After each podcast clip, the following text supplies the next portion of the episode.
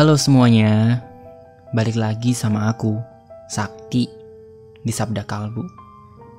Setelah sekian lama hiatus dari dunia konten digital, karena sibuknya dunia lain yang terus menarikku semakin jauh untuk membuat karya, di Youtube terutama, akhirnya aku dan Sabda Kalbu dapat kembali lagi menemani kamu yang ingin mendengarkan suara sebuah hati. Um, sebelumnya aku mau nanya dulu sih, gimana kabar kamu? Aku sih berharap kamu semua dalam keadaan baik-baik aja. Karena sekarang, pada masa ini, kita semua sedang ditempa dengan musuh tak kasat mata yang terus membuat kita panik dan takut, hingga kita sulit menemukan bahagia. Ada keluarga yang tak bisa berjumpa, ada seorang ayah yang kehilangan pekerjaannya, ada pasangan yang semakin sulit berjumpa, dan masih banyak lagi manusia yang ingin menghukum musuh tak kasat mata bernama Corona ini. Hmm, guys, sebelumnya ada pengumuman terlebih dahulu buat kamu. Kali ini, Sabda Kalbu sedikit berubah konsepnya. Menjadi sebuah monolog yang berisi tentang suara hati dan pengalaman beberapa orang yang pernah aku temui terkait hal-hal yang terjadi di kehidupan sehari-hari kita semua. Jadi, selamat datang di Sabda Kalbu, tempat di mana kamu bisa memberi ruang bersuara untuk sebuah hati. Hmm, kali ini aku pengen banget bahas tentang insecure. Pasti kamu semua nggak asing dengan kata insecure dong. Sebuah kata yang sering ditemui di media sosial saat ini sih.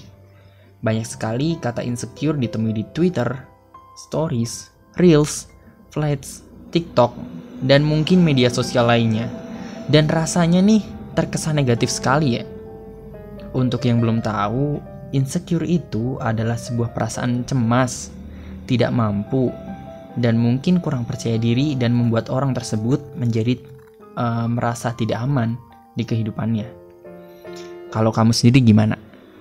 Kamu pasti juga pernah kan merasa insecure? Aku pun pernah merasa insecure dan membuat hati serta pikiranku saling tumbuk. Insecure terhadap pencapaian orang lain adalah hal yang paling sering aku temui. Jika kamu pernah insecure terhadap pencapaian orang lain juga, coba deh inget-inget. Sekali lagi. Dan tanya ke diri kamu apa yang kamu rasain. Ingin semakin maju atau malah berkutat dan terjebak dalam zona insecure kamu. Aku tahu, insecure itu pasti muncul tapi yang membuat orang itu tumbuh adalah sikap setelah insecure itu muncul dalam kehidupan kamu saat itu. Aku pernah insecure terhadap pencapaian orang lain, bahkan bukan hanya dari orang-orang terdekat aja.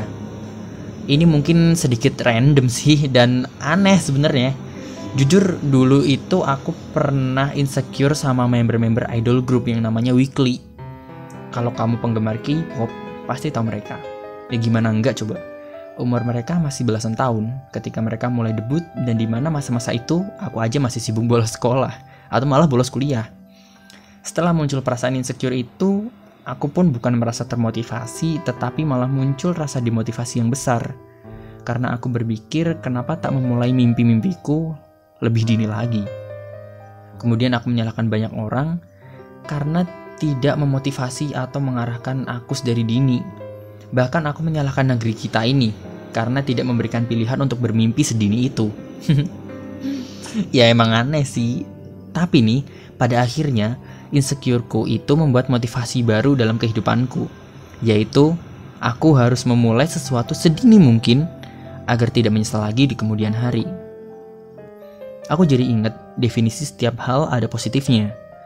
Nah, ternyata hal itu juga akan ada pada saat kamu merasa insecure kok.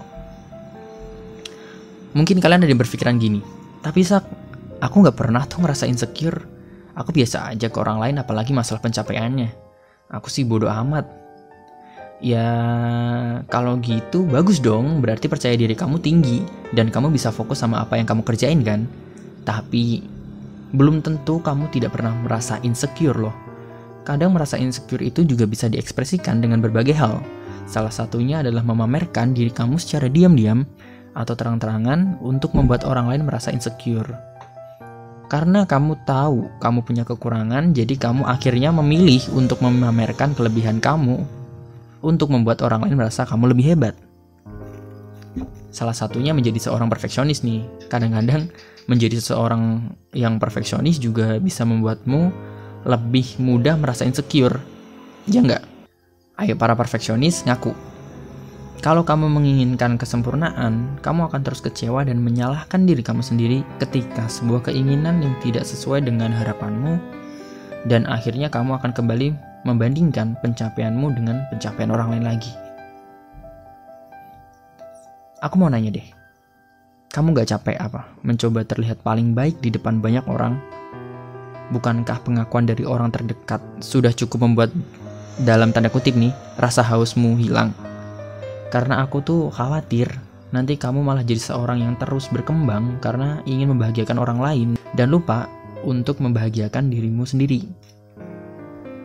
Merasa insecure itu boleh banget kok. Normal itu mah. Perasaan normal yang pasti muncul kepada setiap manusia.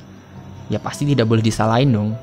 Tapi perlu diingat aja, insecure itu bukan jembatan untuk kamu stuck dan berhenti berkembang tetapi sebaliknya, jadikan insecuremu itu jembatan untuk kamu berlari lebih kencang lagi untuk mencari bahagia bagi dirimu sendiri. Hmm. Oke, okay, kalau gitu aku rasa udah panjang lebar aku ngobrol sama kamu. Aku berharap setelah mendengar ini kamu bisa mencari hal positif ketika kamu merasa insecure ya. Jadi, sebagai penutup, aku pengen kita semua berdoa untuk kesembuhan negeri ini dari pandemi corona, agar kita semua bisa segera bertemu dengan orang-orang yang kita sayang dan mulai mengejar mimpi-mimpi kita lagi. Amin. Makasih buat kamu yang udah dengerin konten kali ini. Sampai ketemu lagi di Sabda Kalbu, tempat di mana kamu bisa memberi ruang bersuara untuk sebuah hati. Aku Sakti pamit undur diri dan sampai ketemu lagi. Bye.